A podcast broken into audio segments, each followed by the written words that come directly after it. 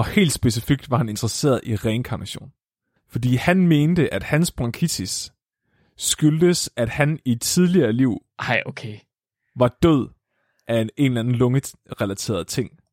Okay, Flemming, du havde mig, og så tabte du mig fuldstændig. Hvad fuck? Hvad fuck er det for en hypotese? Hvor fuck kommer det fra? Fordi at man kan reinkarnere, så betyder... Så han mener simpelthen, at det ikke bare er ens sjæl, der bliver reinkarneret. Det er også ens lidelser. Ja. What? Hvad? What? Vi bringer en advarsel. Den følgende podcast handler om vanvittig videnskab. Al forskningen, der præsenteres, er 100% ægte og udført af professionelle. Mark og Flemming står ikke til ansvar for eventuelle misforståelser, men minder jeg om, at de altid har ret. Husk at være dumme.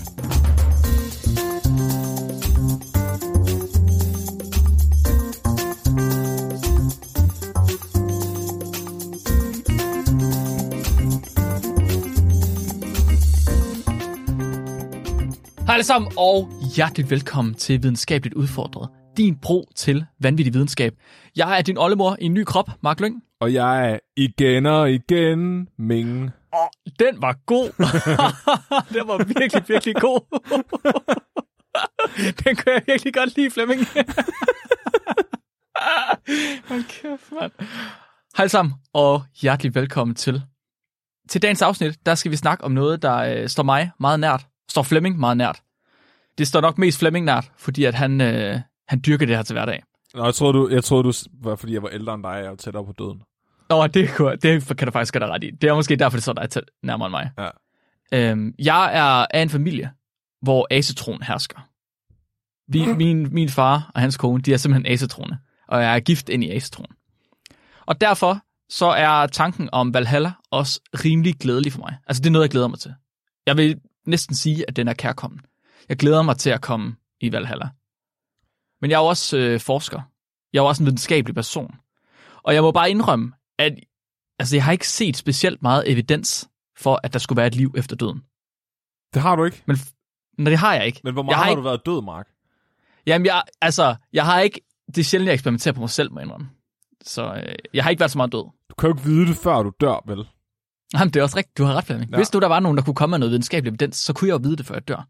Og Flemming, det er derfor, at jeg sidder og tænker lidt. Er det ikke, er det ikke rigtigt, at du i dag har taget en ordentlig røvfuld forskning med, der skal overbevise mig om, at der er et liv efter døden? Jo, altså, så, altså jeg kan jo så sige, at jeg er nihilist.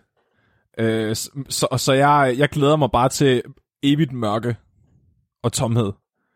Det bliver bare, altså det, det glæder jeg mig til, det er det, jeg ser frem til. Jeg tænker ikke, øh, det skal ikke være nogen hemmeligheder. Jeg tror absolut ikke på, at der sker noget som helst efter at dør. Men det skal selvfølgelig ikke farve min mening om det, jeg skal tale om i dag. Fordi jeg skal have fat i min gode gamle nemesis, Department of Perceptual Sciences fra USA. Som God er, gamle nemesis. Ja, præcis. Øhm, Det er din ærke-rival. ja, Det er, det, det er dem, der kommer efter dig, når det er, at du kommer til at røre ved vandet. ja. Hvad? Det var en dårlig reference. Rør ved vandet. Hvad fuck snakker du om? Nej, ikke noget. Nå. det er for Rick and Morty. Nå. Øh, ja, så, så øh, det bliver simpelthen en todelt i dag. Så øh, Ja. i dagens afsnit, der kommer jeg til at fortælle om, hvordan øh, forskning i reinkarnation kan være en universitetsdisciplin. hvordan, at det, kan- at, hvordan det kan være en afdeling øh, på et universitet, og hvordan du kan få en PhD i det. Altså, hvordan er det blevet et forskningsfelt? Hvilket er ja. en ret interessant historie i sig selv. Okay, det er ikke sådan rent praktisk. Hvordan kan du gå ud og få en PhD i reinkarnation? Det, nej, Det er ikke, det er ikke så, du har tipsene. nej. Det, det tænker Nå. jeg, den falder jeg tilbage på, hvis vi ikke får penge til mit andet PhD-projekt. At Jeg tænkte nemlig nok, at du gemmer dem fandme. Det er fordi, du har tipsene, men du vil ikke ud med dem. Ja, præcis. Du sidder og gemmer på dem. Men, men, men, men. Jeg, I dag der kommer jeg til at tale om, hvordan at, øh, det, den her forskningsenhed er blevet grundlagt, Mhm. hvem der står bag, og så øh, næste afsnit, øh, som jeg står for, Okay. vil jeg gerne fortælle om, hvor de er i dag, og hvad de har lavet, Aha. hvis jeg må. Altså, Det er op til dig selv. Så i dag bliver del 1. Ja. Okay, du bliver helt lidt stille nu. Galt? Sorry, ja. Hvad, ja. Jeg glæder mig. Jeg glæder mig. Altid, jeg har altid ønsket at høre om, hvordan at man kommer til at forske reinkarnation. Nej, det har jeg faktisk ikke. Jeg er faktisk ikke... Ja, jeg er interesseret i, hvordan de her mennesker de kan komme så langt ud, som de kan. har du ikke fået noget at spise nu, Mark? Jeg har faktisk lige fået noget. Okay. For mig der er det her, for mig der bliver det her, det er, det er nærmere et, et studie i øh, sindslidelser, end det er en samtale om videnskabelige mennesker. Så, så bliver det nogle kedelige to timer, det her, Mark. Jamen, det glæder mig til. Det skal ikke være nogen hemmelighed, at jeg er far. Og øh, en af de ting, der sker, når man er far, og ens børn de bliver begyndt at blive større, det er, at du får en hel masse spørgsmål. Rigtig, rigtig mange spørgsmål.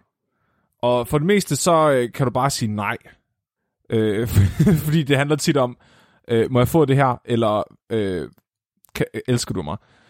Men, andre, Ja, de er nemme spørgsmål. Ja. Andre gange, så bliver det sådan nogle lidt mere tunge filosofiske spørgsmål. Nogle, hvor der måske ikke rigtig er et svar. Og, øh, og, og det, det er ligesom det, der sker, når ens barn kommer og siger, hvad sker der, når man dør? ja. Nu skal du høre mit barn.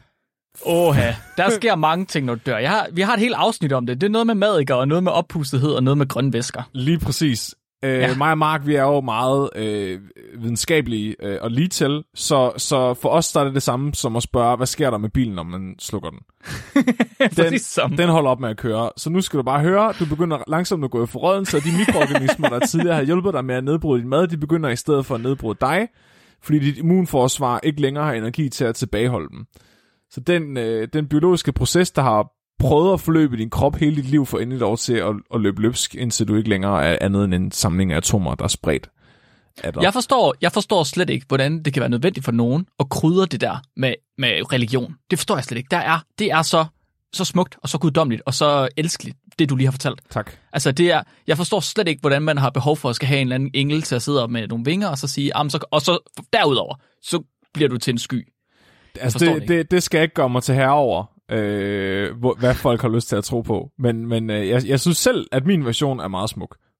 I biologien er smuk. Men jeg har taget rigtig meget fejl. Fordi øh, jeg, har, jeg har jo ligesom taget udgangspunkt i videnskaben. Og for mig der er videnskab øh, forskning, der er øh, opnået gennem den øh, videnskabelige metode, og som er blevet, øh, hvad kan man sige, undergået kritik fra andre forskere. Ja. Og øh, når man begynder at kigge på, øh, på det felt, så opdager man, at der er faktisk et ret stort forskningsfelt inden for, hvad der sker med os, efter vi dør. Noget, du kan få en PhD i. Og jeg har taget fuldstændig fejl lige fra starten. Der sker åbenbart meget mere, øh, når man dør, end at ens krop bare rådner, og alting bliver sort, ifølge forskning. Ah, ifølge forskning, Ifølge forskning, ja. Ifølge videnskab, videnskabeligheden, I- ifølge Ifølge det videnskab. helligste af det helligste. Så hvis vi skal være videnskabelige, så bliver vi nødt til at forholde os til den forskning, der findes inden for det her. Okay. Og det er det, der leder os til The Department of Perceptual Studies, også kaldet DOPS forkortet. Dobbs. Ja.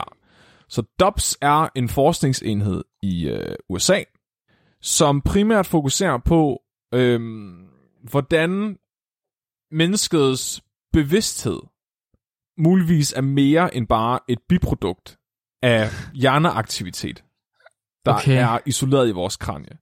Ja. Og det er, det er forskning, det her. Det er rigtig videnskabelige mennesker. Ja, ja, altså det er det. Det er, lidt- det er øh, legit forskning, det her. Så, Okay. så de er interesseret i at undersøge... Er der mere mellem himmel og jord? Det, Mark, det bliver nogle virkelig lange to timer, det her, Mark. hvis at det bare skal være sådan der. Okay, okay, okay. Jeg tager mig sammen, jeg tager mig sammen. Deres primære formål, det er ligesom at undersøge hypotesen om, at der er, at vores bevidsthed, altså vores virkelighedsopfattelse og vores personlighed, er mere end bare et produkt af vores hjerneaktivitet. Og det er egentlig et forskningsfelt, der sagtens kan have lov til at eksistere stadigvæk, fordi der er ikke rigtig nogen, der ved, hvor vores bevidsthed sidder. Ja, altså, der true. er teorier om, at bevidstheden er øh, den, den samlede øh, hjerneaktivitet, vi har. Altså, at bevidstheden måske ikke bare sidder et sted, men at den, den, den er spredt rundt omkring hjernen. Mm-hmm. Øh, men, men stadigvæk, altså, den her, den her singulære oplevelse af at eksistere og af et selv, mener de nødvendigvis ikke er bundet til vores hjerne eller til vores krop. Og det vil de så gerne undersøge. Og det leder så til en hel masse forskellige forskningsfelter. Det leder til undersøgelsen af telepati, altså øh, evnen til at påvirke øh, fysiolog, altså fysiske genstande ved tankens kraft, fordi hvis dine tanker og hvis din bevidsthed er, er en entitet i sig selv, må den jo også kunne interagere med verden, udover øh, at skabe din bevidsthed. Ja. Det er at øh, kunne se afdøde eller opleve ting på sit dødsleje, Altså, så, så du kan møde øh, folk, øh, spøgelser. At du kan kommunikere med afdøde. Øh, at øh, nærdødsoplevelser undersøger de også. Øh, så at folk, der har, du ved, man hører om, at deres liv passerer revy, øh, lige inden at de oplever noget, de tror, der skal dræbe dem. Øh, og så ud af kroppen oplevelser, øh, hvad fanden er det, det hedder? Der er nogen, der kalder det astralprojektion, hvor du føler, at din bevidsthed faktisk forlader din krop, og du svæver over den. Øh, det er tit noget, folk fortæller om, hvis de har ligget i koma eller er blevet opereret, at de føler, at de er hængt hen over lægerne, der har opereret på dem, og set, hvad der er foregået. Mm-hmm. Og Mhm. så øh, reinkarnation. Reinkarnation også. Reinkarnation, ja. Så det er, at øh, den bevidsthed, der lever i en krop, får lov til at eksistere i den næste krop igen. Ja, altså, så det er klaverjance som en forskningsdisciplin. Øh, ja, Faktisk. mere eller mindre. Altså, det, Ja. så det, du, du skal tænke på, hvis, okay, og det er jo tankeeksperiment det her, hvis det nu viser sig, at vores bevidsthed eksisterer som en eller anden form for sjæl, Mm-hmm. og den her sjæl, den, den kan overleve vores krop, altså overleve døden, så opstår alle de her forskningsfelter automatisk.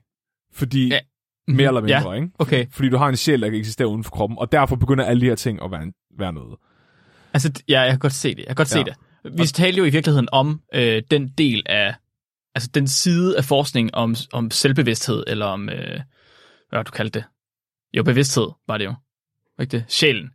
Da vi snakkede om øh, upload af, af hjernen, Ja, det, det ved du kan huske, der snakkede vi om, at folk de ligesom vidste, hvad det var, at, at ens bevidsthed er, og det gør man ikke, og derfor så er der nogen, der kan stå i den ene side og så sige, eller have en hypotese om, at bevidstheden er det samme som en sjæl, og at det måske er noget med, at alle ting er forbundet alle steder i hele verden på samme tid. ja, hvilket, altså, jeg vil sige, hvis man finder ud af det, Ja, hvis man finder ud af, at der er mere til vores virkelighedsopfattelse, og det er bare min personlige mening, hvis man finder ud af det, så, så vil det for mig at se også indikere, at der findes en Gud.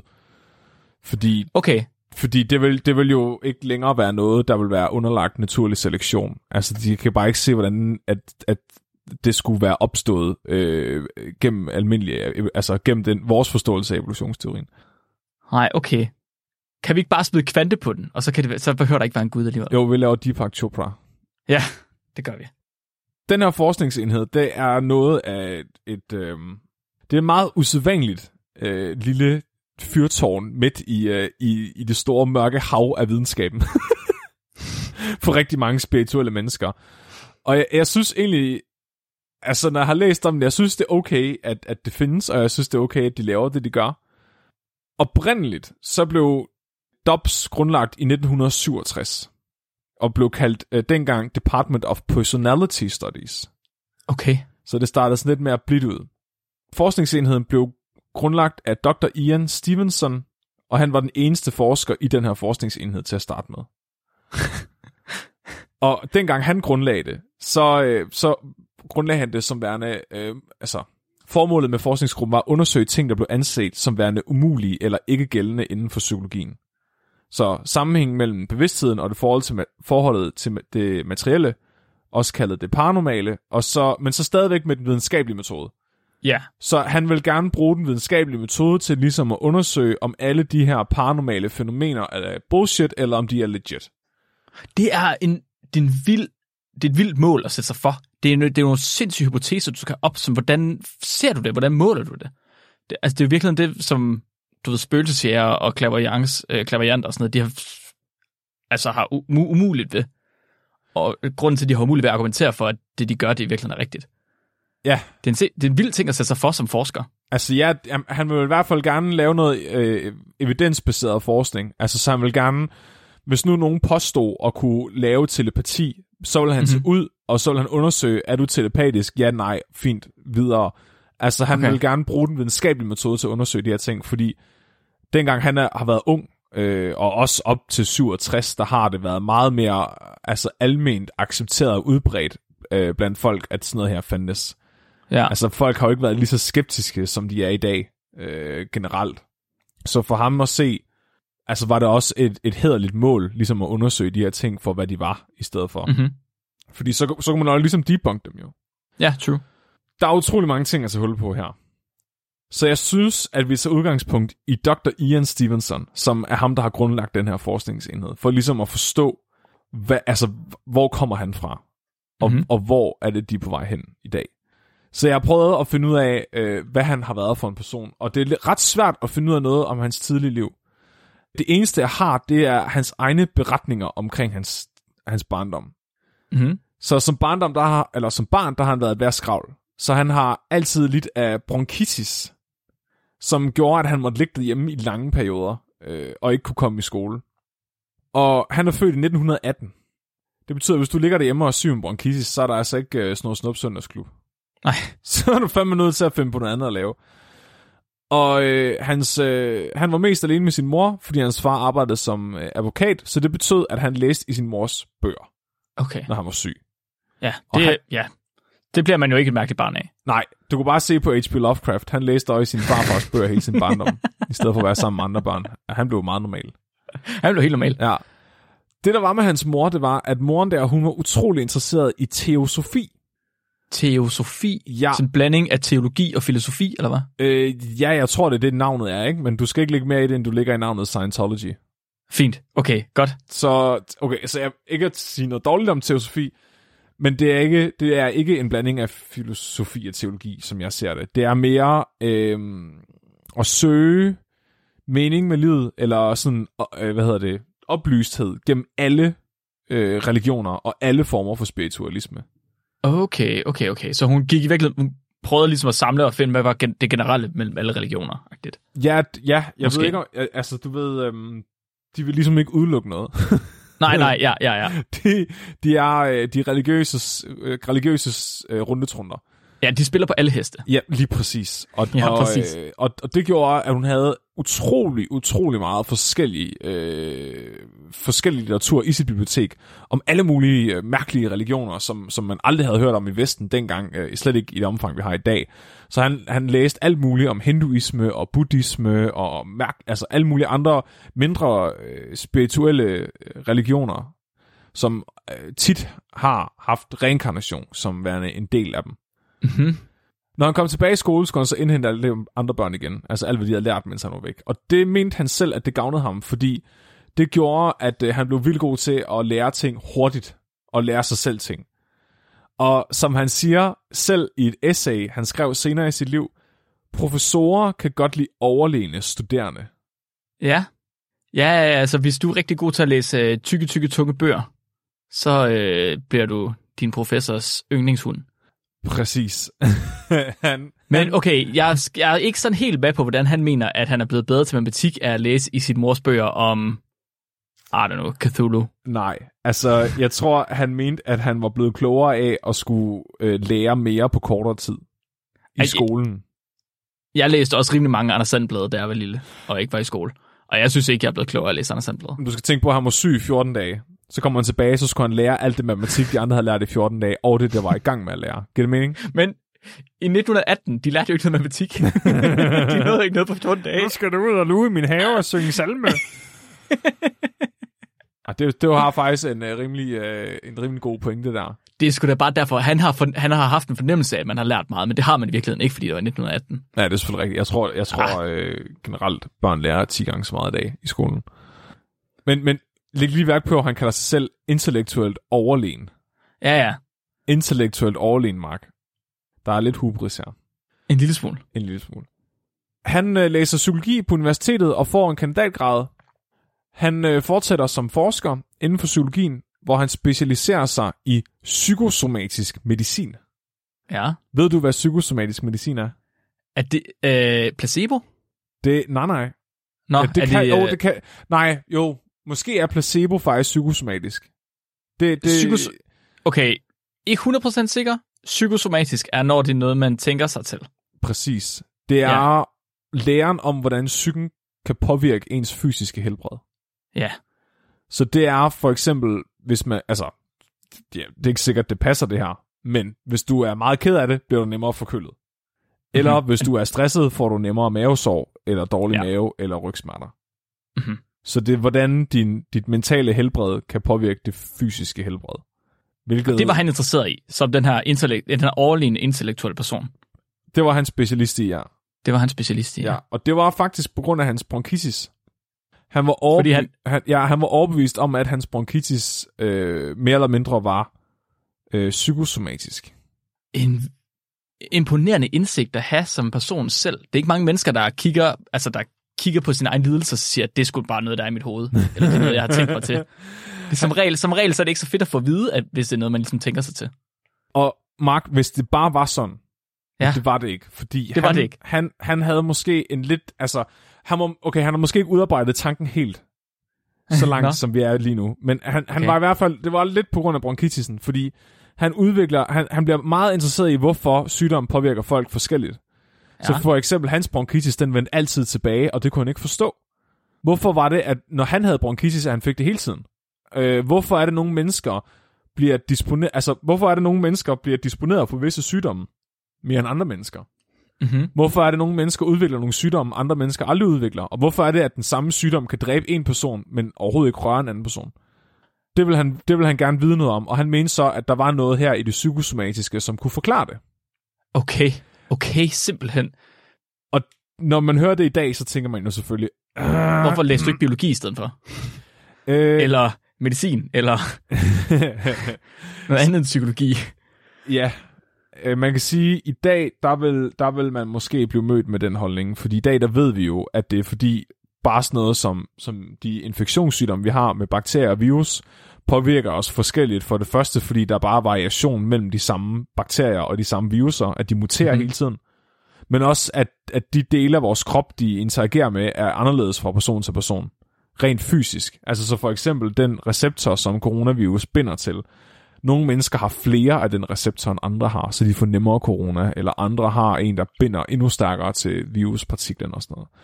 Men det lyder som om, at det bare er vores holdning som nogle meget snæversynede og biased biologer, Flemming. Som nogen, der ikke rigtig kan se ud af vores egen lille næsetip. Øh, Hvordan er det så, når man, er- når man er oplyst? Når man er øh, overlegen intellektuel? Altså det ved, ja, Mm, og fordi dengang vidste man ikke noget om alt det her. Så du skal tænke på, at det her, det er sådan lige efter 2. verdenskrig-agtigt. Nu synes jeg, der er en, der lyder overlegen intellektuel. Undskyld. vi bliver, men vi bliver ligesom nødt til at give ham benefit of the doubt, ikke? Vi bliver ligesom nødt til at, at dømme ham baseret på hans samtid. Ja, ja, ja. Øh, ligesom folk, de ser igennem fingre med, hvor racistisk H.P. Lovecraft han var. og at han havde en kat, der hed Niggerboy. Ej, var det også for meget. Det er sindssygt. Så altså, han var, han var, altså, hans tanker var, var, altså, virker i dag fjollet, men, men, men dengang altså, var de ikke øh, kontroversielle. Der var det ligesom bare et, altså, et produkt af deres tid. Mm-hmm. Ja, så, ja. så han mente ligesom, at, at, øh, at det var fordi folk havde forskellige psyker. Okay. At du altså, psykisk var disponeret for at få de her sygdomme mere end andre mennesker var. Mm-hmm. Og det ville han ligesom gerne undersøge, og han, han havde allerede, på grund af den her pærevælling af forskellige ting, så han, havde, han var jo for det første religiøs. Så han, han Mhm. mm-hmm. troede ligesom på en gud og en skaber og et efterliv. Men han havde også læst alle de her teosofibøger fra hans mor, og så havde han al den her viden om psykosomatisk medicin. Mm-hmm. Hvilket ledte ham til at danne en hypotese. Hvilket var, at sjælen var separat fra vores krop, og at den her sjæl kan påvirke, hvordan du bliver påvirket af en sygdom.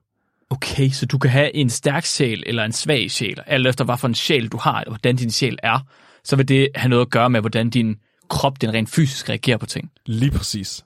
Okay. Og helt specifikt var han interesseret i reinkarnation. Fordi han mente, at hans bronkitis skyldtes, at han i tidligere liv Ej, okay. var død af en, en eller anden lungerelateret ting. Okay, Flemming, du havde mig, og så tabte du mig fuldstændig. Hvad fuck? Hvad fuck er det for en hypotese? Hvor fuck kommer det fra? Fordi at man kan reinkarnere, så betyder... Så han mener simpelthen, at det ikke bare er ens sjæl, der bliver reinkarneret. Det er jo også ens lidelser. Ja.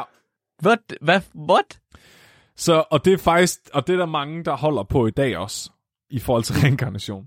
Det er der At- mange, der holder på. Ja, så han mener, at, øh, at en stor del af det her med, hvorfor sygdommen rammer folk forskelligt, kan forklares, fordi de er reinkarneret. At deres sjæl simpelthen har et, et form for ar, der manifesterer sig fysisk. Så Aha. hvis du nu er blevet skudt i hjertet under 2. verdenskrig, så kan det være, at du får en hjertekarsygdom i dit næste liv. Ja, ja, ja. Hvis du nu, øh, hvis du nu, det ved jeg ikke, har, øh, der er mange gode måder at dø på. Hvis du nu er død i en brand i 1700-tallet, så kan det være, at du får hudkræft. Så der ryger lunger. eller rygerlunger. Altså, at det ligesom er relateret til hinanden. Og, og, Aha. det, og det, men det var ligesom ikke noget, han sagde til sine kollegaer. Nå, Det nå, trods alt ikke. Ikke, ikke dengang i hvert fald. Ikke dengang. Han holdt det for sig selv lige indtil han fik noget funding baseret på det. Øh, ja. Det var en meget pæn måde at sige det på. Så Nej, han, du skal forestille dig, han har siddet hele sin barndom og tænkt, fuck, hvor er det irriterende, jeg har bronkitis. Hvorfor skal jeg have bronkitis? Hvorfor hader Gud mig? Og så kommer han frem til, åh, det er nok fordi, jeg døde, øh, da biblioteket i Alexandria brændte, fordi jeg prøvede at redde al den der viden, og så indåndede røgen, eller sådan noget. Fuck, det er en langt ud hypotese, mand. Det ved jeg ikke. Altså, han har aldrig, han har aldrig selv indrømmet, hvad han tror, han har Okay. levet som tidligere. Jeg har i hvert fald ikke kunne finde, jeg vil virkelig gerne vide det, men jeg kunne ikke finde det nogen steder. Uh, han tog Ja. ligesom den idé med sig i graven, ser det ud til, at han var sådan... Al- Okay, kan vi, kan vi to lige blive enige om, at den der hypotese, han fanger ud af den meget tynde luft, det er ikke et produkt af hans samtid. Altså, det er bare ham, der er mærkelig. Uh, Mark, der er... Okay, så du, du skal lige huske på, at i den her periode, ikke, Ja. der øh, finansierer CIA forskning i mind control og telepati. Ja, okay. Ja, ja. Du har ret. Du, jeg fik, ja, ja. Altså, det er, fordi, det, er, det er os, der er et produkt af vores tid. Fordi vi tager det simpelthen så for givet, at det her det er fjollet, at vi ikke forstår, at der er nogen, der vil overveje det. Det, det, og det har jeg virkelig svært ved at se. Jeg kan godt se, at jeg er biased, når du ligesom fortæller mig det. Men det er virkelig svært for mig at, at, at se på dem med sympatiske øjne. Altså, jamen, jamen, ja, ja, og det er derfor, jeg afholder mig fra, så der sidder, og, altså, jeg- jo, man kan godt grine af, at det er sjovt, øh, men jeg vil heller ikke være alt for fordømmende endnu. Okay, Fordi det okay, her, det er stadigvæk en, en historisk periode, hvor det ikke er helt så radikalt, som det er i dag. Jeg, jeg, jeg, jeg bryster mig ved, at du siger endnu, og at jeg kan fornemme, der kommer mere. Ja, bare rolig. Åh, oh, vi er kun lige gået i gang. han, han udvikler langsomt den her interesse for reinkarnation og psykologien bag reinkarnation, på grund af den her mm. hypotese, han har udformet. Ja, ja. Og han begynder at samle på cases. Så han, hvis han læser nogen, der har, har snakket om reinkarnation eller et eller andet, du ved, så, så samler han lige på det her data. Så, du ved, så skriver Okay. han lige ned, den her person, der har den her alder, husker det her tidligere liv, bum bum bum. Og så laver Ja, han sådan en samling af data. Altså, det er jo kohortestudie i virkeligheden. Præcis, ja. ja. ja. Øh, så, så, for ham, så for ham er det data, simpelthen. Og han ved ikke rigtig, hvad vil bruge det til. Det er mest måske bare en interesse på det her tidspunkt. Men i 1959, der sker der noget, der ændrer hans liv. Fordi han besøger en af de eneste psykologer i hele verden, der har det her som arbejde. Som arbejder ja. i det, som han selv døbte parapsykologi. Ja. Dr. J.B. Ryan, faderen af parapsykologi, altså ham, der har fundet på ordet parapsykologi. På, fundet på. Og vi er parapsykologi, det betyder ved siden af psykologi. Præcis. Så Ja. ja. det er det, der ikke er almindeligt accepteret af psykologien, eller det, der ikke kan forklares af konventionel psykologi, Yes. som telepati og som reinkarnation og alle de her ting. Ja, ja, ja. Ja, den ja, del ja, af psykologien, du ikke kan forklare med fysikken. Mhm. Han øh, arbejder som parapsykolog på Duke University, og hans kone er også forsker på den her parapsykologiske afdeling. Mhm. Så det er simpelthen et par, øh, som er ret kendte dengang, og, og han er også en, han bliver set som en af sådan parapsykolo- altså parapsykologiens fader. Ja. Stevenson, han besøger dem, fordi han vil gerne se, hvad, hvad fuck laver I egentlig, og hvordan gør I, øh, og kan jeg være med, agtigt. Måske ikke helt, men han er i hvert fald han er interesseret nok til, at han bruger sin fritid på at besøge dem. Mhm. Og øh, her øh, over øh, får de ligesom en kop kaffe og lærer hinanden at kende, og så hiver øh, konen her, øh, Miss Ryan, Stevenson til side, og så øh, advarer hun ham. Hun siger Ja. ja. til ham, at øh, der er ikke noget at komme efter i de her individuelle reinkarnationssager. Nå. Og hun håbede ligesom på, at hun kunne tale om til fornuft og sige, det her, det leder ikke til en skid. Lad være med at spilde dit liv på det her. Åh, oh, så hun troede ikke på det. Men Hun- hendes mand gjorde det, hva'? Hun troede i hvert fald ikke på, at der nogensinde kunne bevises noget videnskabeligt ud fra det her. Okay, okay, okay. Så, Så- så de, havde, de havde nærmest brugt hele deres liv på at gøre det her, eller hvad? Oh yes. Oh Ja, yes. altså- Hun havde brugt utallige år på at prøve at påvise det her, men har så ikke rigtig kunnet. Og altså sådan, der er ikke nogen andre måde, man kan gøre det på. Nej, det, det var deres liv. Okay, shit. Det her, det er det, hun selv arbejder med, som hun faktisk advarer Dr. Stevenson mod at gå over i. Ja. Heldigvis hører han overhovedet ikke efter. Nej, det ikke. han, han, er jo, han, er jo, han er jo intellektuelt øh, over, hvad var det? overlegen. overlegen. Ja, Sådan noget. det er ikke de her intellektuelle undermennesker. Nej. Altså, hun, har højst noget hun, hun har nok troet på det, øh, men jeg tror alligevel, at hendes, altså forskerdelen af hendes hjerne kunne godt se, at det her, det ikke, altså, du kan ikke lave noget evidensbaseret forskning. Man kan, også, man kan sagtens tro på noget, øh, og have en hypotese, som man er sikker på er sand. Det Ja. ja. det er faktisk virkelig forkert at gøre, men så bare være klar over, at det, vi har ikke teknologien til at påvise det endnu. Vi har ikke teknologien til at vise det endnu. Men det gør vi jo hele tiden uden at vide det, kan man sige. Og præcis, præcis. Om 100 år, så sidder der nogen og griner af alle de dumme ting, vi tager for givet i dag og tror på. Åh, oh, 100 procent. Han fortsætter med at udvide sin samling af case studies om reinkarnationer, og han skriver et lille øh, review-hister her, så nu begynder han ligesom at dyppe tæerne lidt ned i den her videnskabelige verden af det. Så han begynder faktisk at bidrage med noget videnskabelig litteratur, der handler om reinkarnation. Ja.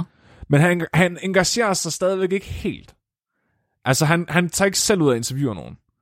Han tager ikke selv ud og opsøger det her. Altså, han sidder bare og leger lidt med det, han har. Er, er han bange for at møde modstand? Mm, jeg tror, han er bange for at gøre det til mere end en hobby, men jeg er højst sandsynligt også med modstand. Altså, han mm-hmm. siger ikke rigtig, hvorfor at han øh, afholder sig fra at gå helt i gang, men øh, det er der heldigvis noget, der ændrer. Nå. Fordi nu stifter han bekendtskab gennem... Øh, Dr. Ryan introducerer Stevenson til den vildeste, klaverjante medie i hele verden på det her tidspunkt. Aileen Jeanette Vanko Lyttel Garrett. Hun er... Som kunne, som kunne tale med heste eller høns. hun kan tale med hele lortet. Hun var en fucking guldklump for de her parapsykologer. Hun var. Okay. the fucking shit. Elvis Presley, der taler med spøgelser. Siger det bare. Hun var, hun var, hvis du vil have fat i et spirituelt medie, som du kunne undersøge, så er det fandme hende. Hun er gylde for landmænd. Absolut. Eller- Hun er muljord for landmænd. Hun er traktor ja. For landmænd. Altså, hun er ja. Guld værd for dem. Hun er ren data. Hvad kunne hun? Hvorfor? Så for det første, så var hun allerede blevet undersøgt af Dr. Ryans. Ja. Hvilket i sig selv er ret usædvanligt, fordi de her øh, klaverjante medier, de vil som regel aldrig undersøges. Nej, klart, fordi at, ja, Fordi ja, det er ligesom, øhm, ham, hvad hedder han, ham der, øhm, der selv var magiker eller illusionist, som, øh, hvad fanden han hed? når James ham der- Randi øh, afslørede ham, ikke? Lige præcis, lige ja. præcis. Som øh, udlod den her dusør til det, det parapsykologiske person, eller telepatiske, eller whatever, der kunne påvise eller bevise, at deres evner var rigtige. Præcis, ja, lige præcis. Og der, Hvor der, alle bare blev debunket. Ja. Og der, ja, og jeg tror, fordi en stor del af dem er nogen, der godt selv ved, at de ikke har nogen evner, men mm-hmm. Mhm. at de bare gør det for at tjene penge. Altså Ja, ja, ja. udnytte folks øh, længsel efter afdøde familiemedlemmer og sådan noget.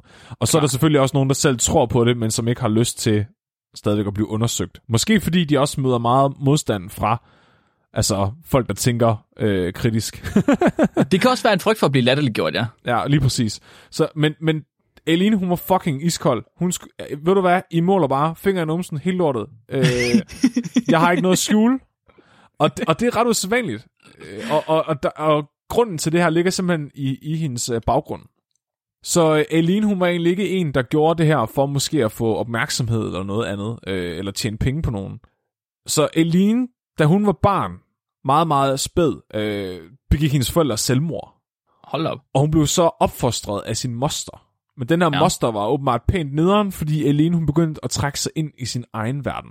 Okay. Og herfra, der mener hun så, at hun har lært at bruge ekstra sanser. Men hun var ret... Og det sjove er, at hun var selv skeptisk, øh, og troede ikke... For eksempel troede hun ikke på ånder. Hun troede ikke på, På- at der fandtes spøgelser ånder. Øh, Altså, mens hun var klaverjant, eller tidligere? hele sit liv igennem. Helt sit liv igennem. Okay. Hun var, hun var selv skeptisk, skeptiker, men, men alligevel var hun overbevist om, at hun havde de her ekstra kræfter, som hun, som hun kunne tabe ind i, ved simpelthen, at hun, øh, at hun har brugt så meget tid i sin indre verden gennem sin barndom. Okay, hvad, hvad var det for nogle kræfter, hun havde så? Hun var for eksempel synsk, Okay, så hun blev fucking berømt i 1930. Altså sådan, alle vidste, hvem hun var i 1930. Fordi hun forudså, at R101 øh, luftballonen ville eksplodere. Sådan nå, kort tid før den gjorde det. okay. Og hun forudså også sin, øh, sin første mands død i en eksplosion under Første Verdenskrig. Så hun blev sådan kendt for at have været sådan, altså en, der kunne forudse, hvad der ville ske i fremtiden. Okay. Men hun var også sådan synsk, så hun, altså, hun kunne læse tanker, eller, eller læse objekter. Og, og det er der, det bliver interessant, fordi øh, Dr. Ryans undersøgte jo Aline for hendes kræfter, Mm-hmm. og konkluderede, at de var ægte. Uh, nå, Han brugte den videnskabelige metode, en metode, han selv havde udviklet, og fik videnskabelig peer-reviewet evidens for, at Aileen havde synske kræfter. Åh, oh, okay. Og det er derfor, jeg siger til dig, at vi bliver nødt til at se på Ian, Ian Stevenson øh, gennem hans samtid. Fordi True. Yes. her bliver han præsenteret for et klaverant medie, mm-hmm. som af andre forskere er blevet bevist til at være synsk. For sure. Ja, Ja. ja. Ja, ja, ja, jeg kan sagtens se uh, pointen, ja. Så hun... Okay, så det, jeg, det har været virkelig svært at finde ud af, hvordan han har testet hende. Men jeg har fundet ud af, at Ryan han har udviklet sådan en test, som han, som han bare brugt til alt.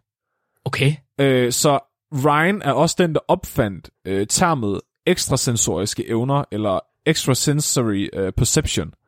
At du, Ja. har, at du har evnen til at sanse ting ud over dine almindelige sanser. Ja, altså, den sjette sans, basically, eller hvad? Det er en sjette sans, ja. Ja. Det er det, der hedder ESP forkortet, og han, han, op, han opfandt det term, og han opfandt også en test, man kan bruge til at undersøge, om folk har ESP-evner. Okay. Og det gjorde han, han, han fandt på et dæk, som han kaldte The Center Deck, som er øh, fem forskellige kort med fem forskellige symboler på. Og de her symboler betyder ikke noget særligt. Det vil sige, øh, at du har vel ikke nødvendigvis nemmere ved at huske et kort frem for et andet, eller det er ikke, du ved, det er ikke relateret til noget, der findes i vores hverdagsliv. Det er ikke bogstaver eller, øh, Eller tal. måne, eller sol. Det er bare sådan blob, eller hvad? Øh, ah, ikke helt, ikke nødvendigvis. Jeg, øh, faktisk, nu bliver jeg, lidt- jeg mener faktisk måske, der er noget måne og noget sol på nogle af dem. Nå, okay. Det, det er nogle kort, der er nem, med nogle symboler, der er nemmere at identificere, men nødvendigvis ikke er mere ladede end hinanden. Så de er alle sammen sådan rimelig neutrale. Ja, okay, okay, på den måde. Det han så gjorde, det var, at han ville se, om de, øh, om folk kunne forudsige, hvilket kort han ville trække som det næste i bunken. Så hvis du, mm-hmm. nu, Mhm. hvis du nu blander kortene, og så, du ved, trækker, trækker det øverste kort, så vil han så vide, om folk kunne bruge deres ekstrasensoriske kræfter til at forudsige, hvilket kort vil være det næste. Okay. Fordi så har du, så har du både mulighed for at være synsk og kunne se fremtiden, men du har også mulighed for at kunne se gennem kortet måske. Ja, du, du kunne i virkeligheden også... Det... Ja, okay. Ja, ja, ja, ja, ja, ja, ja. Så har, jeg ved ikke, har du kunnet finde hans test af hende? Altså, jeg har ikke de deciderede resultater, men, men han sagde selv, øh, så han brugte meget primitiv statistik på det her. Okay. Så han sagde, at sandsynligheden for at gætte det re- første kort rigtigt er 1 ud af 5. Mm-hmm. Men sandsynligheden for at gætte øh, 10 eller flere korrekt i træk, øh, eller 10 rigtigt ud af 25, vil være 1 ud af 20. 10 rigtigt ud af 25 vil være... Ja. Så, så hvis du kunne gætte, hvis, hvis han viste dig et kort 25 gange, tilfældigt kort 25 gange, og du kunne gætte mere end 10 rigtigt, så vil han konkludere, at du har ESP-evner. I træk. 10 rigtigt i træk. Nej, bare 10 ud af de 25. Hmm. Okay. Og det kunne hun jo så. Du kan gætte 10 ud af 25 rigtigt. Så, så har du ekstrasensoriske evner. Okay. Og, øh, og det gjorde, at Ryan blev overbevist om, at hendes evner, de var legit. Og hun, hun var egentlig selv cool med det. Hun var sådan, ved du hvad, fint. Øh, jeg kan godt lide den videnskabelige metode. I kan bare undersøge mig i hovedrøv. og. Og det gjorde alle. Altså, der var virkelig, virkelig mange forskere, der forskede på hende, og hun indgik i rigtig mange forsøg, fordi hun var nærmest den eneste, der ville det her. Men Elaine var interessant for Ian Stevenson af en anden grund. Så han bliver jo så introduceret til Elaine øh, af Ryan.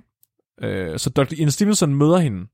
Og han er egentlig ikke nødvendigvis interesseret i at forske i hende specifikt, fordi han er jo meget betaget af reinkarnation frem for ekstrasensoriske kræfter.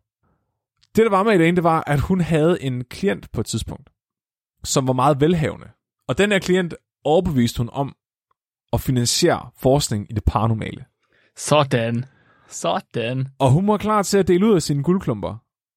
Og hun øh, havde lige hørt om et øh, særligt ekstraordinært tilfælde af reinkarnation i Indien. Og ville gerne betale for, at Ian tog til Indien og interviewede den her person, der var reinkarneret, og undersøgte Ej. sagen. Kæft, hvor er det fedt, mand. Det er, så det her, der starter det. Nu starter hans karriere. Han øh, kan ikke få sig selv til at gøre det i arbejdstiden, så han tager afsted i sin ferie. Okay. Han tager afsted i fem uger for at undersøge det her tilfælde, men bliver hurtigt distraheret, fordi han opdager i Indien, der er alle bare fucking reinkarneret. Shit. Så han når at dokumentere 25 forskellige tilfælde af reinkarnation i de her fem uger. Og hans liv er ændret for altid. Nu har han smagt blod. Oh, damn. Fuck. Og i 1960, kort tid efter, er der nogen, der finder ud af, hvad det er, han render og laver i sin fritid. Okay, En af det, ja. Fordi at han begynder jo at udgive, øh, du ved, re- reviews og case studies og sådan noget, ved siden af hans øh, anden psykologiske studier. Og der er øh, en vis øh, Chester F. Carlson, Mark. Han ved du jo godt, hvem er. Chester Carlson. Ja, Og det er øh, cancergutten. nej. Det er Nej. ham, der har opfundet serografi, hvilket er øh, en teknologi, der gjorde, at man kunne printe med pulver frem for blæk. Okay, ja. Det, det vidste jeg godt, det var ham. ja, præcis, ikke? Det var jeg godt klar over. Han, er, han var særlig, fordi han var fucking stinkende, ulækkert rig. Det er man, når man ligesom, du ved, får blæk til ikke at være nødvendigt. Desværre troede han ikke en fucking skid på reinkarnation. Boom. Nå, fuck, så er der ikke mange penge i ham jo. Men det gjorde hans kone. Så er der lige så pludselig penge i ham jo. Og, og, og hvis mutter hun ser det rigtigt, så er det kravt med rigtigt. Er det forstået? Du vil gerne frikadeller i aften, ikke? Så han tager en ordentlig sæk penge, og så klasker han den lige i hovedet på øh, Ian Stevenson og siger, gør dit arbejde. Men han vil alligevel ikke have, at der er nogen, der ved, det er ham, der har givet pengene. Så, okay. Og det, det siger øh, Stevenson også selv, at det var ret usædvanligt, at folk, der donerede penge, ønskede at være anonyme, men så samtidig var interesseret i forskningen. Fordi ja. Han ville ikke have, at der var nogen, der skulle vide, at det var ham, der havde betalt det her. Men han var stadigvæk fucking nysgerrig på, hvad det var, han fandt ud af sin forskning. Så han tog, for, han tog med ud på mange af de her studier. Så, så Chester Carlson, han tog med til, til Alaska for at interviewe reinkarnerede personer. Men han blandede sig aldrig. Han havde ikke sådan en mening om, hvordan forskningen skulle foregå. Han var bare sådan fluen på væggen. What? Men, og, men han troede ikke på det selv. Hvad, Nej. hvor havde, hvad, havde hans kone sagt, han skulle? Det forstår ja, jeg ikke helt. Ja, jo, jo, jo. Så det var for at gøre hans kone glad jo. Og han var selv Nej. skeptiker. Men, men du ved, han, han var jo kritisk tænkende, så han synes jo, det var interessant at se en, der undersøgte det altså kritisk. Sure, men altså, Ja. det, kan kun være, det kan kun være interessant i så lang tid ad gangen. Det, det har nok været, fordi han ikke har fået kærlighed nok derhjemme. Og han har fået at vide, at der er mere kærlighed, hvis du tager med ud til Alaska og snakker med reinkarnerede mennesker. Ja, måske, det kan godt være. Men, Det tænker jeg. Det tænker jeg. Du vil gerne, der, skal, der skal ekstra spæk i de frikadeller, Flemming. mere, mere kærlighed. Det giver Dr. Ian penge nok til at få lavet en, øh, en deltidsordning, Okay. hvor at han øh, på deltid forsker i reinkarnation, og resten af tiden øh, arbejder almind- med almindelig psykologi. Han begynder at dokumentere så mange tilfælde af reinkarnation, at han begynder at finde nogle fællestræk i dem og dokumentere os. Og de forskningsartikler, han laver i den her periode, er dem, der stadigvæk bliver citeret i dag i virkelig, virkelig stor stil. Okay. Du skal tænke på, at han har grundlagt den her disciplin. Så hans, ja. Han, han er den, der har sagt, reinkarnation kan være det og det og det. Hvis du har et reinkarnationsstudie, skal du kigge efter det og det og det. Så det er det, alle citerer, og hans metoder bliver stadigvæk brugt den dag i dag. Så det er tre- 1960'erne, alt det her foregår. Hvad lavede, hvad lavede han som psykolog? Hvad var hans... Øh... Det var det der psykosomatiske medicin. Nå, okay. Ja. Okay, ja. Fair nok. Desværre så... Øh, så det, det er ligesom hans guldalder, det her. Ja. Det her, hvor han bare har uendelige penge, og bare, du ved, tager ud i verden og indsamler en hel masse data. Så de artikler, han udgiver på det her tidspunkt, er ikke, øh, hvad kan man sige, nogen, der konkluderer mega meget, eller, eller diskuterer, hvad der foregår. De er mere bare sådan berettende. Han tager ud og dokumenterer det her fænomen, Mm-hmm. og finder ud af, hvad der er fællestræk i de her fænomen. Desværre så dør Chester Carlson i 1968. Shit, det var guldgrisen. Og øh, Dobbs, øh, Dobbs store, øh, hvad kan man sige, guldalder Benne. begynder måske at gå lidt på held nu, Oh, fuck. skulle man tro. Skulle man tro? Det viser sig, at øh, Chester Carlson, han har testamenteret en million dollars Du, du, hvad? til Ian Stevensons forskning. What? Og hans kollega... oh yes. Jeg er helt på røven. Hvad sker Ja, der? ja. Har hans... Er det også hans kone, der har sagt det? det er så virkelig, what the fuck? Nej, fordi Mark, konen, hun fortsætter også med at donere penge fem år efter. What? Hvor er det vildt. Yes, yes, yes. Og ved du hvad? Alle hans kollegaer havde nøjagtigt den samme reaktion. Det kan jeg da godt forstå. Hvad er det for en privatperson, der testamenterer øh, så mange penge? Altså, Hans- det er jo en million i 60'er dollar. Øh, altså, En, en, ja, i 60'erne. det er jo det- vanvittigt mange penge. Det er virkelig mange penge. Hans kollegaer får en fucking blodprop, fordi de er mere eller mindre kritiske over for hans forskning. M- mere eller mindre. Du ved, sådan, hvis man skal sige det på en pæn måde, så, det, så synes de ikke, at det, han laver, det er så interessant. Præcis. Så man kan sige, vi har givet ham øh, benefit of the doubt på grund af hans, øh, hans, den periode, han fandtes i. Mm-hmm. Men det er ligesom baseret på, hvad der foregik i, i den al, hvad kan man sige, i almen befolkning. Dem, dem, der sad og forskede i det, der var cutting edge dengang, havde måske øh, lidt mere, du ved, 2010-briller på, Ja. og kunne godt sige, at det her, det er fucking dumt, det du har gang i. Hvad fanden laver du? Stop dig selv. De var så forarvet over, at han havde fået de her penge, at de gik til dekanen. Nej. Og så Nej. sagde de, kan I ikke bare give ham pengene og bede ham om at tage dem med hjem? Nej, han skal ikke være på universitetet med, det vil de ikke have. De ville hellere have, at han fik pengene i lommen, end at han fik lov til at bruge dem på forskning. Wow. Så meget havde de hans forskning. Hvor er det sindssygt. Okay, hvad? Fordi at følte de, at han ligesom satte en plet på hele universitetet, eller hvad? De, ja, og ja, det tror jeg, at, at, de, at han gjorde, at de mente, og at de bare generelt synes, at det var pseudovidenskab. Men Okay. der sker simpelthen det, at dekanen giver ham lov til at blive. Fordi han vil ikke gøre sig til herre over, hvad der er rigtigt og forkert videnskab. Og også fordi, at han nok får en lille bid af de der millioner. han får måske lidt mere lov til at bestemme, hvad der sker med de penge, hvis at uh, Ian bliver på universitetet. Åh, oh, det kunne man godt forestille sig. Der var en krølle på grisens hale her, der fandt man siger, øh, Ja. hans nye afdeling, den skulle hedde parapsykologi. Okay. Hvilket er et term, som Ian til hans død foragtede, fordi det indikerede, at det ikke var rigtig psykologi, det han Ja, undersøgte. nej, klart. Nå. Han, kaldte, han ville hellere kalde det for DOPS. Han vil hellere, ja, the Department of Personal Personality uh, Studies, Ja, ja, ja, ja, ja. hvilket han så senere uh, fik lov til. Det der så er, det er, at det, det er egentlig her, mere eller mindre her, at den her forskningsgruppe bliver til. Fordi de her penge gør, at han begynder at kunne ansætte andre forskere i forskningsenheden. Mm-hmm. Og lige siden dengang har, har de faktisk eksisteret på den måde, øh, som, de, som, som de kom til der. Så de på øh, Department of Personality Studies, eller det hedder så Perceptual Studies i dag, øh, eksisterer egentlig på samme måde, som, som det kom til efter, at de arvede de her penge.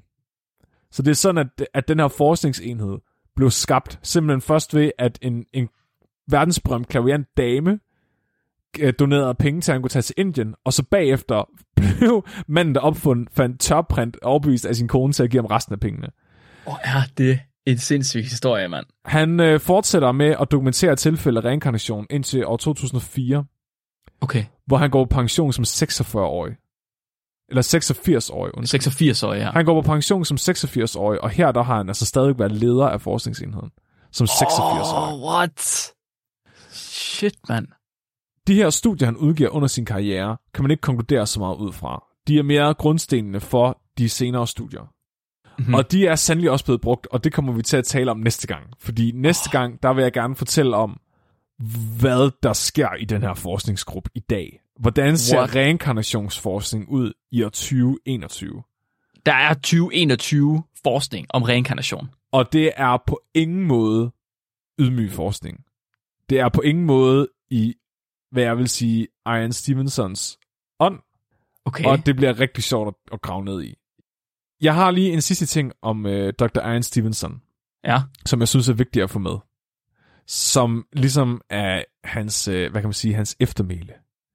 Fordi når du er en forsker, der forsker i et liv efter døden, hvornår begynder din karriere så rigtigt? Hold kæft, mand. Det gør den, når du dør. Ja. Alt andet, det er fucking warm-up, Mark. Prøv lige at tænke på, det ville svare til, hvis at vi vidste, at den dag vi døde, ville vi få svaret på al mikrobiologi. Okay, okay, okay. Så du mener, at, at Ians sjæl, at den simpelthen er ude og, og lave forskning, lave selv eksperimentering lige nu. Det var i hvert fald det, han selv håbede på.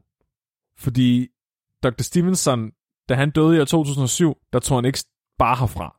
Han sørgede selvfølgelig for at opstille et aller sidste eksperiment i sand forskerånd.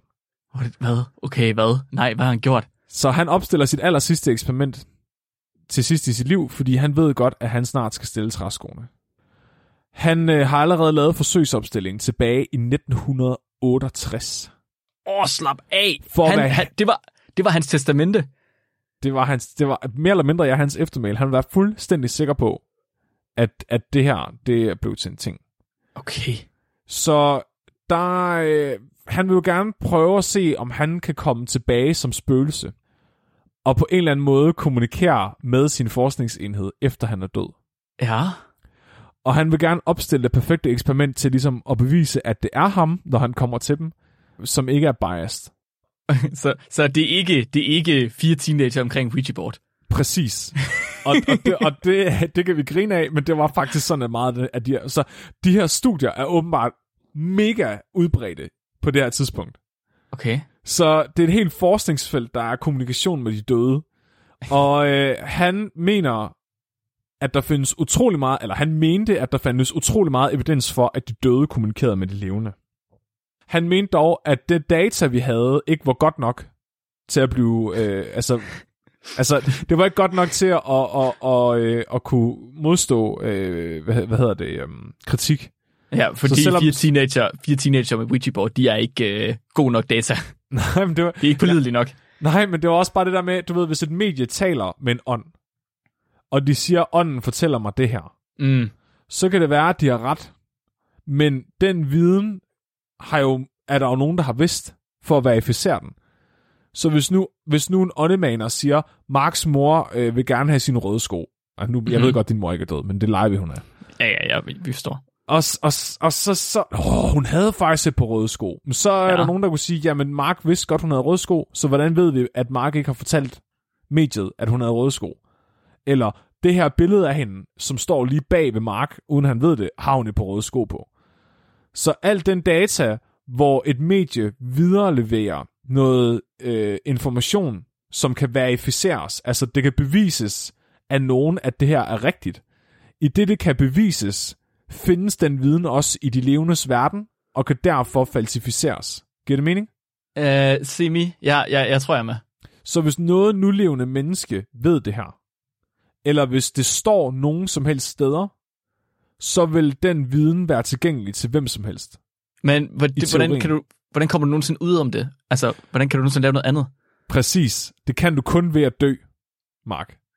Fordi du bliver jo nødt til at opstille et eksperiment, hvor du har noget viden, der eksisterer i verden, som kan verificeres, men Og som som ingen ved. nulevende person har kastet øjne på eller ved. Skrev han, skrev han et brev eller et Det- tal ned og puttede det i sit, i sit Det skrivebord? er en fucking god idé, fordi det var det, alle andre gjorde, Mark, på det her tidspunkt. Det, og det er virkelig, det er fandme godt tænkt. jeg, synes, jeg synes, det er det dummeste eksperiment, jeg kan komme i tanke om.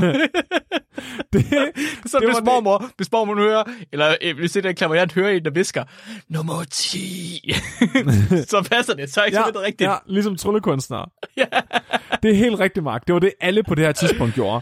Okay. Så alle de første tests, man brugte til at undersøge det her, det var, at øh, der, var en, der var faktisk en forsker, der hed Dr. Toules, som tog rundt i starten af 1900-tallet og besøgte folk på deres dødsleje, og fik dem til at skrive hemmelige breve og, og forsegle dem i konvolutter.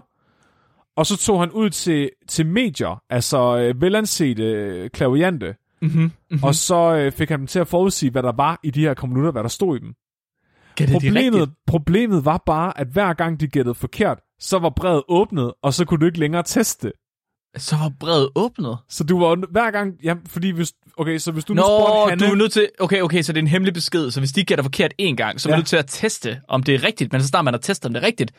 Så er det forkert. så er eksperimentet ødelagt. Ja, ja, ja, fordi de kan se det på dit kropssprog eller et eller andet. Ja, Præcis. I get it. I get it. Præcis, præcis. Så, det, så han fik aldrig noget data.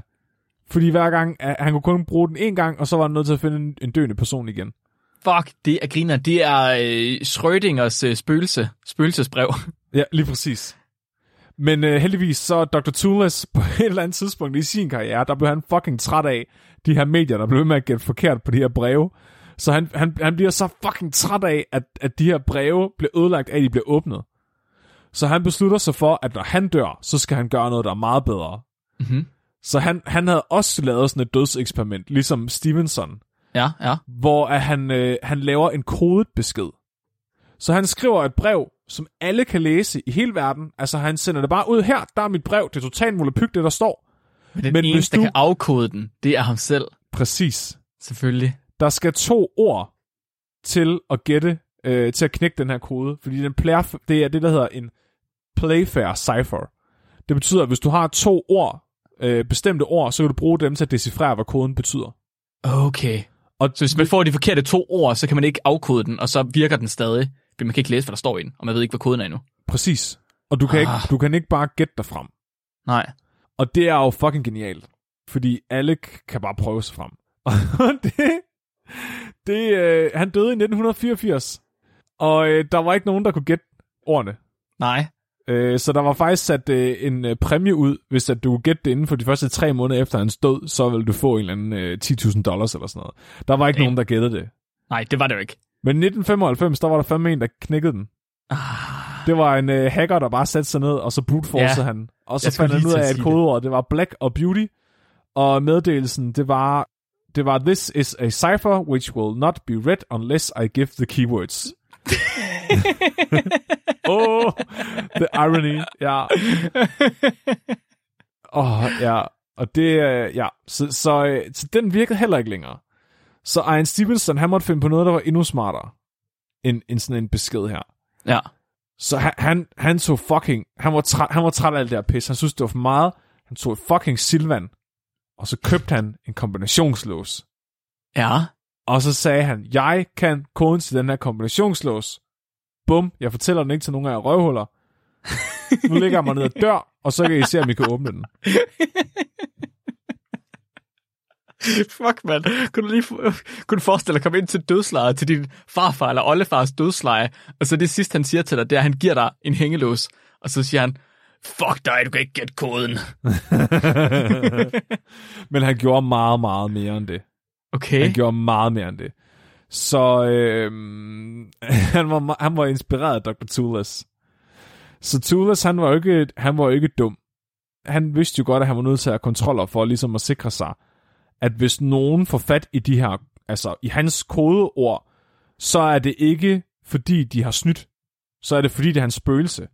Så, så hans kontrol det var, at han ville sikre sig, at der ikke var nogen klaverjante medier, der mens han levede, læste hans tanker, og så ventede til efter han døde, og så brugte ordene. What? Hvorfor? Okay, Så- stop. Okay, okay, okay. Men hvorfor er det ikke... Så det ville da også være fedt. Så ligesom... Præcis. så har han Det sgu var- da evidens for, at tankelæsning fandtes. Det var det, hvis der er nogen, hvis der så er nogen, der kommer og gætter koden, så siger folk bare, ej, prøv at høre. Det er overhovedet ikke et spøgelse, der har sagt det til dig. Han, du, brugte, du læste bare hans tanker, mens han var i live.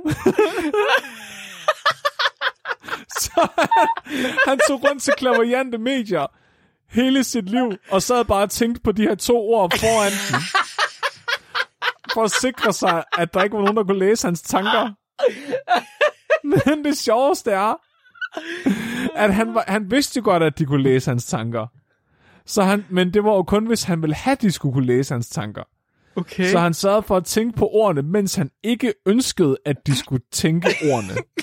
Der er så mange, der er så mange faktorer involveret i det her, jeg kan slet ikke følge med. Åh, oh, men, do, men Mark, Dr. Ian Stevenson, han er jo han er jo meget klogere end det her. mm-hmm. Det var bare dumt. Der er kraftet med... Ej, Jamen for helvede. Det er jo ikke en rigtig kontrol, Flemming. ej, hvordan, ja, han, okay. så hans forsøg er endnu mere udførligt designet end Dr. Tulas forsøg. Altså det her med kombinationslåsen. Imponerende. Så det er en fem sider lang protokol for, hvordan det her forsøg skal udføres. Der hedder The Combination Lock Test for Survival, og jeg har læst hele lortet. Okay.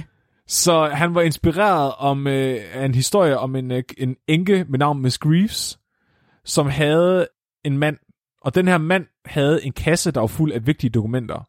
Ja. Og der var en kodelås på den her kasse, som kun han kendte. Og så døde han. ja. Og det var mm, fucking træls, fordi der lå nogle rimelig fucking vigtige papirer nede i den der kasse der. Det er Og fucking hende og træls. søn, hendes søn prøvede så desperat at gætte koden for at komme ind i kassen. Men de kunne ikke gætte koden, før at hans spøgelse kom og fortalte koden til dem, og så kunne de låse kassen op. Okay, hvad? Okay. Og, og det tager Dr. Ian jo bare som evidens, og siger, Jamen, det er. "Øh, det, vil jeg, det kan jeg sgu da også gøre. Det er jo positiv kontrol.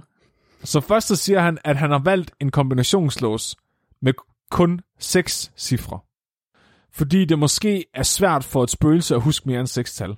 Hold kæft, mand. Hold nu kæft, mand. Der er er, ikke papir, der er ikke papir i uh, det hensides. Han er bange for, at spøgelser ikke uh, har svært ved at dårlig hukommelse. det, er godt, han ikke, det er godt, han ikke fik Alzheimer's.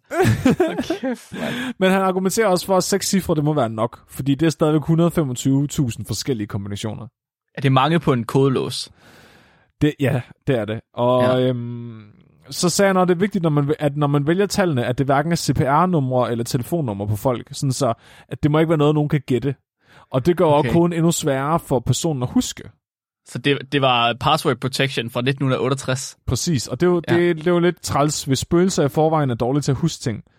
Hvordan skal du så huske seks tal, hvis du ikke må bruge tal, du kan huske i forvejen? Ja, det er klart. Det er klart. Så han, øh, han, han øh, siger, øh, man, og, og det er så sjovt, fordi han kan jo ikke sige, jeg har gjort det her.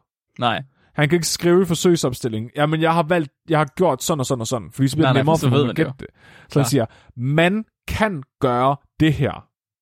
Man kan vælge en sætning på seks ord, hvor no, det første bogstav i hvert ord har et tal i alfabetet tilsvarende det tal på kodelåsen. Kan man gøre. Ja, det kan man gøre. Det, det er kan faktisk- man gøre. Det er faktisk smart. Det er jo i virkeligheden passphrases, næsten. Egentlig, ja, ja, han er rimelig forud for sin tid. Han sørger for at skrive fire sider om, hvordan man kan bruge alfabetet til det her. For at være helt sikker på, at når han kommer til nogen som spøgelser og siger, hønsene klukker i øst, så, så forstår de at knække den her fucking kodelås. Nej, nej, okay, Flemming. Ved du, hvad det er? Mm. Det er omvendt psykologi. Det er, for, det er bare for at få dig til at gå ud på en anden rejse, Flemming.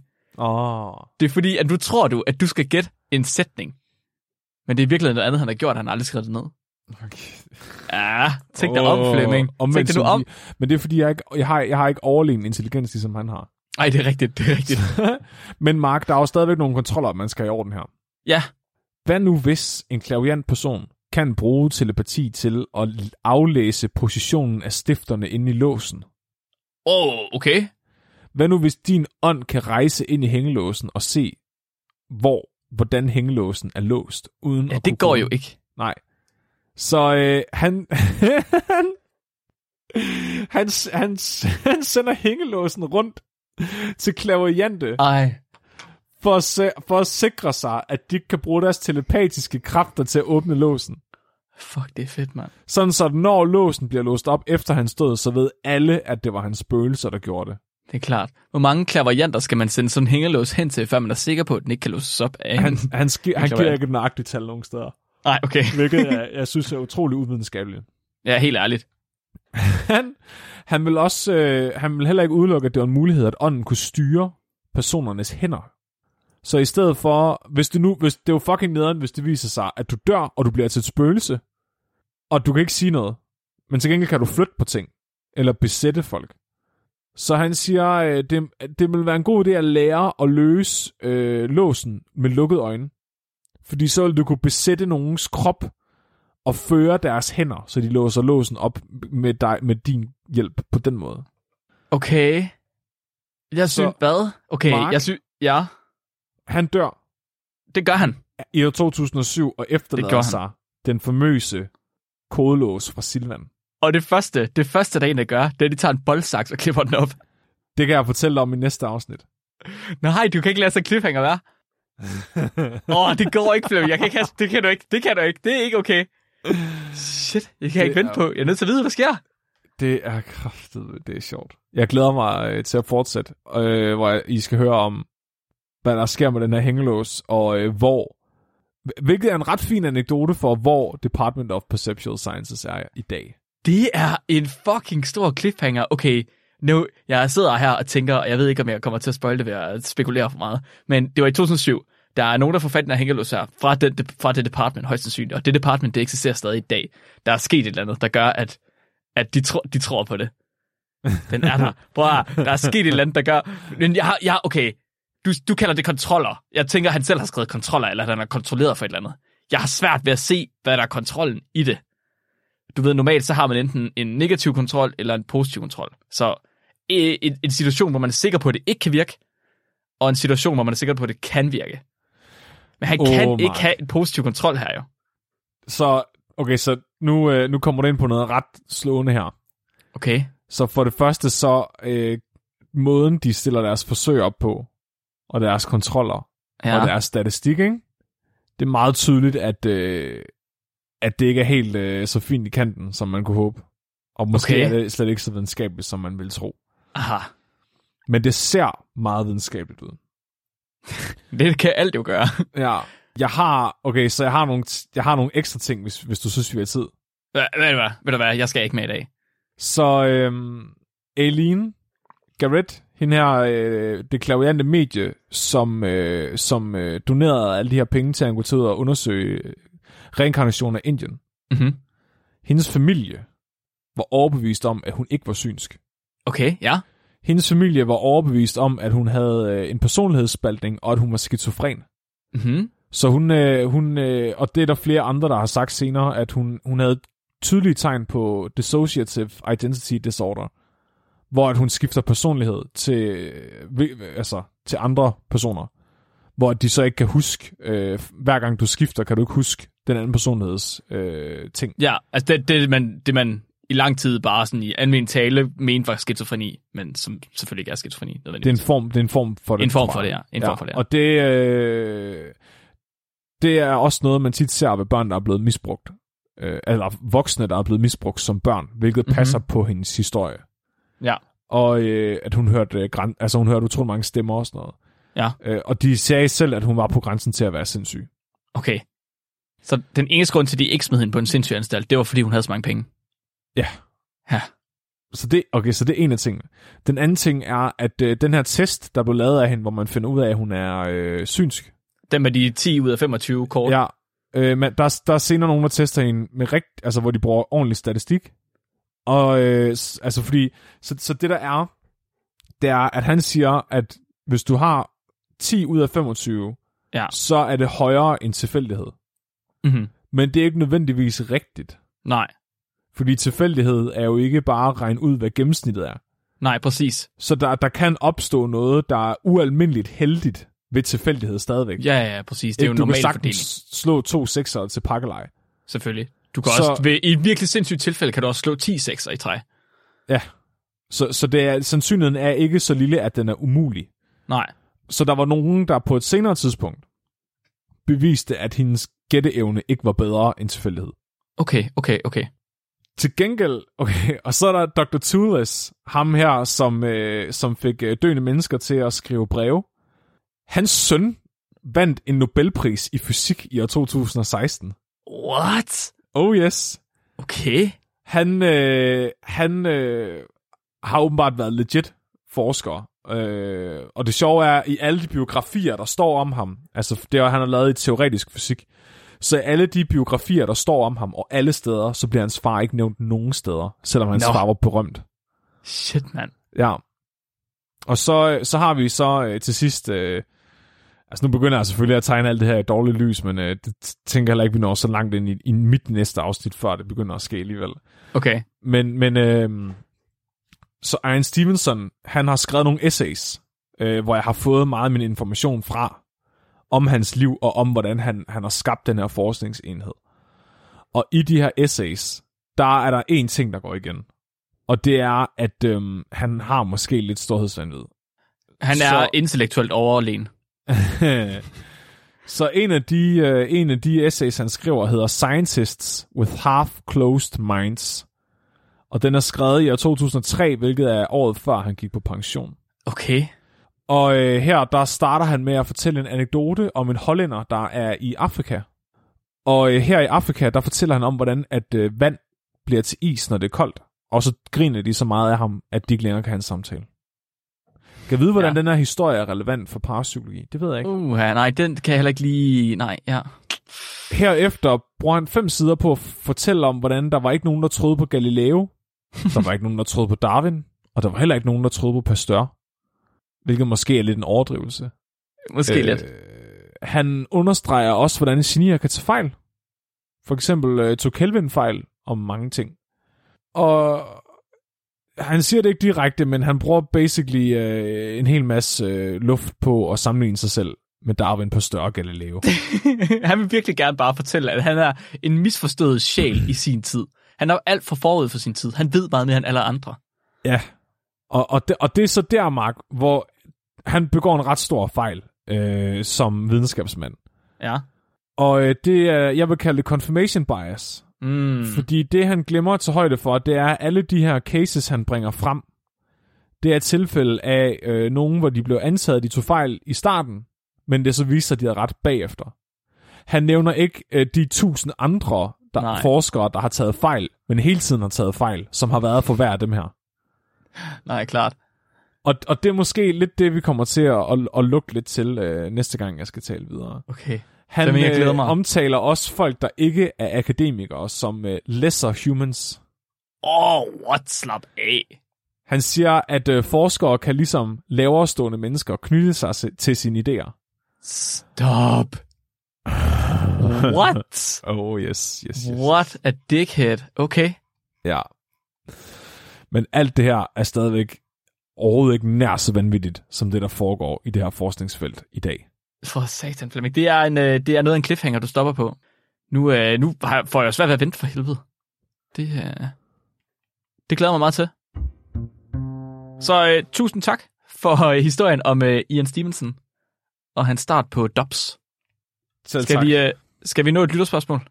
Bring it, Britney. Vi har i dag fået se- tilsendt et lytterspørgsmål af Magnus Ganer, en af vores gode kammerater, der er på PhD, øh, skriver sin PhD nede i Australien. Og han øh, har simpelthen sådan et spørgsmål, han bare, han, han, vil, han er nødt til at svare på det lige nu, Flemming. Det, det haster det her.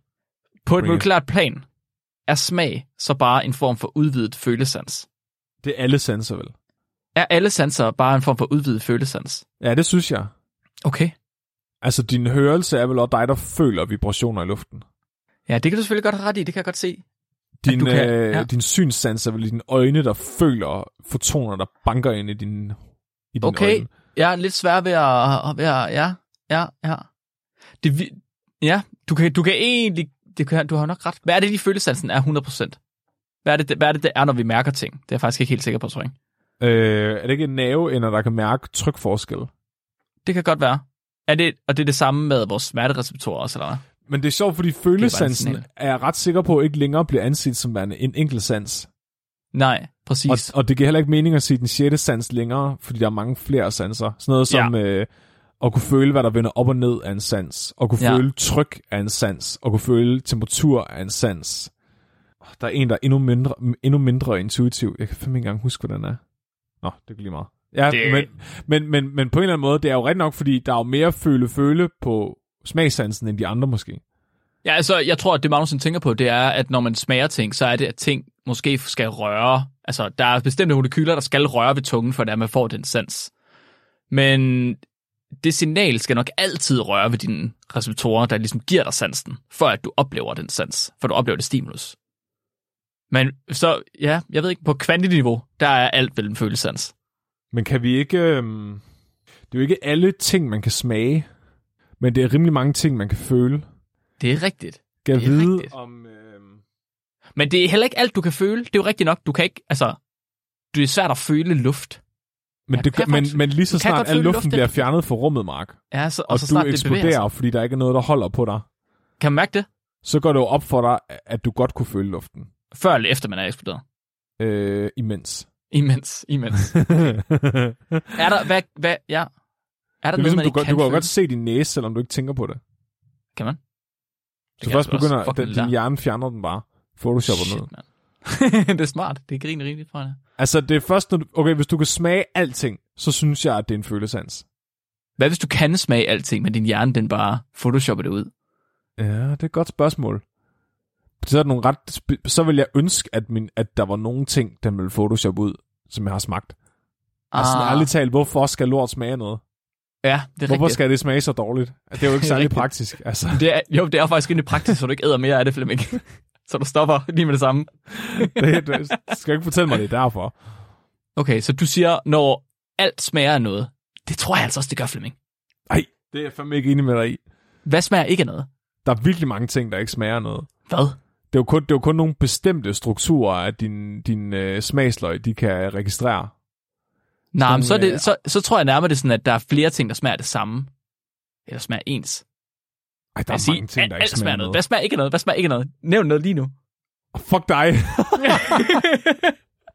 nu bliver jeg... Ej, der er, det, er, det er nogle meget bestemte ting, vi kan smage. Man vil, Hvad med vand? Du sidder og drikker vand ja, ja, altså, jeg skulle, men det ikke også det, jeg skulle til sige. Jo, Ja. vi har, og vi har faktisk smagsreceptorer, der er specifikke for vand. Ej, hvor er du træls. Ja. Tomatsuppe smager ikke af noget. Det kommer an på, hvad du kommer i. men så er det nok salten, der smager noget. Ja, jeg kan godt følge dig. Okay, jeg, jeg tror, jeg vil sige, jeg, jeg, jeg synes, du, øh, du var på den til at starte med. Alle sanser er en følesans på et molekylært plan. Mm. Det tror du er ret i, Flemming. kan vi... Er det ikke øh, vores svar til Magnus? Jo, det synes jeg. Vi har kun to sanser. Vi har følesansen, og vi har ek- ekstra følesansen. Den, hvor du føler ting, der ikke er i din egen krop. Hvad så, øh, hvad så med evnen til at, at høre spøgelser? Er det en sans? Jamen, det er ekstra følesansen. Nå ja, det er parasanser. Parasan- parasanser, tak, det er det. Ja.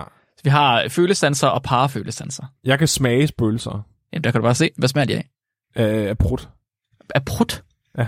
Det er kun øh, det er dit, eget, det er dit eget spøgelse, der smager prut, Flemming. Der er simpelthen... Øh, der var virkelig mange spøgelser inde i mit soveværelse, hver gang jeg vågner om morgenen. Ej, det er imponerende. så tusind tak for spørgsmålet, Magnus. Jeg håber, at øh, det gav svar på de meget pressende spørgsmål. Så vi har scoret sidste uges afsnit, afsnit øh, 32, Du kan svide tis på øh, Gargometer, som er vores lille barometer, man kan se, finde inde på vores øh, hjemmeside, som øh, Bjarke, barometer Bjarke, han har lavet til os. Og øh, afsnittet, som handlede om, om sved og lugt og højrehåndede mænd, der øh, lugtede under højre arm, eller venstre arm, det fik en score på 77 hovedsageligt på dens øh, Nobelfaktor og på dens, hvad var det Flemming, på dens øh, videnskabelighed. Det er jeg Ja. faktisk lidt stolt af. Ja, Så det er faktisk- var- Synes jeg er meget godt, når det er mig, der laver afsnit, at så er det faktisk de mest videnskabelige afsnit, vi får. At den så var lidt længere nede på fjollefaktoren, det er jo så, hvad det er. Altså, det, det er jo manden, som er. Lyt til det, hvis I mangler det. Næste uges afsnit, der øh, skal jeg tale om et emne, som der er flere, der har kontaktet os om, og faktisk har spurgt, om vi ikke vil lave et afsnit om. Jeg skal nemlig snakke om øh, allergi. Og jeg var sådan lidt tøvende, fordi allergi, altså hvor sjovt kan det egentlig være? Øhm, så jeg havde, jeg havde faktisk skrevet et sådan halvt afsnit en gang for seks måneder siden, og så lagde jeg det på hylden, ventede til en dag, hvor jeg ligesom havde fundet noget sjovere og fundet noget mere interessant. Og så skriver Michael fra Discord fandme til mig, at hans kammerat, den, han blev blidt af en flåt, og så blev han allergisk over for kød. Åh, oh, fuck, jeg er bange for flåter nu. Og det er åbenbart noget, alle de ved. Det er åbenbart noget, som hele verden ved lige nu. Det synes jeg er mærkeligt. Så i næste uge, der kommer vores allergiafsnit, hvor vi skal lære om allergier, og så skal vi blandt andet høre, øh, om det er farligt at køre bil, når man øh, har taget allergimedicin. Det der, det er... Fuck, det der, det er nogle veganere, der har designet en virus, de spreder gennem flåter lige nu. Ja, jeg tror, du har fuldstændig ret, Flemming. Det glæder mig til at høre noget mere om, og finde ud af, hvad for et laboratorium det er lavet i, så vi Ja, kan det også. genskabe den. Er der noget, du gerne vil sige til folk her på falderæbet, Flemming? Noget, du synes, de skal gøre eller noget? Jeg synes jo, det er fantastisk, når der er et eller andet, der interesserer mig, Mhm. øh, at jeg lige kan google det, og Ja. så kommer der en Wikipedia-side op om det. Det er jo nemt. Og så en af de, altså det, der interesserer mig aller, allermest, det er Flemming Damgaard Nielsen. Okay. Øh, og, og den her podcast, der hedder øh, Videnskabeligt Udfordret. Men når jeg, når jeg googler det, så, øh, så kommer der ikke nogen Wikipedia-side op nogen steder. Okay, du vil, du vil gerne, ja. Og det, jeg synes, det synes jeg er ærgerligt. Jeg altså, ikke- der er noget ja. værdifuld viden der, som, som ikke bliver bevaret. Og det er åbenbart ikke socialt acceptabelt at, øh, at skrive Wikipedia-sider om sig selv. Hvilket Er du ved at spørge folk, om de vil lave en Wikipedia-side om dig? Nej, ja, om, mest om podcasten. Okay. Jeg synes, skal at det kunne være sige. meget fedt, når nogen googler podcasten, at der lige, du ved, så er man noget, når der er en Wikipedia-side. Ja, det kan jeg også godt se. Men jeg må ikke lave den, fordi så opdager folk, at jeg selv har lavet den, og så bliver den fjernet. Det gør den garanteret. Så det er simpelthen dit ønske til folk, det er, at de øh, går ind og laver en Wikipedia-side om videnskabeligt ja, udfordret. og der skal stå rigtig meget om høns på den. Bummelum. Det skal der. Det, der. det kan ikke være anderledes. Jeg vil godt øhm, bede om noget andet, tror jeg faktisk. Fordi at vi... Nej, Mark, lad være. Undskyld. Min mening er mest værd. Gør også Flemmings ting. Gør også øh, Wikipedia-side. Men derudover, så begynder vi ligesom at komme ud i verden, ud i landet nu her.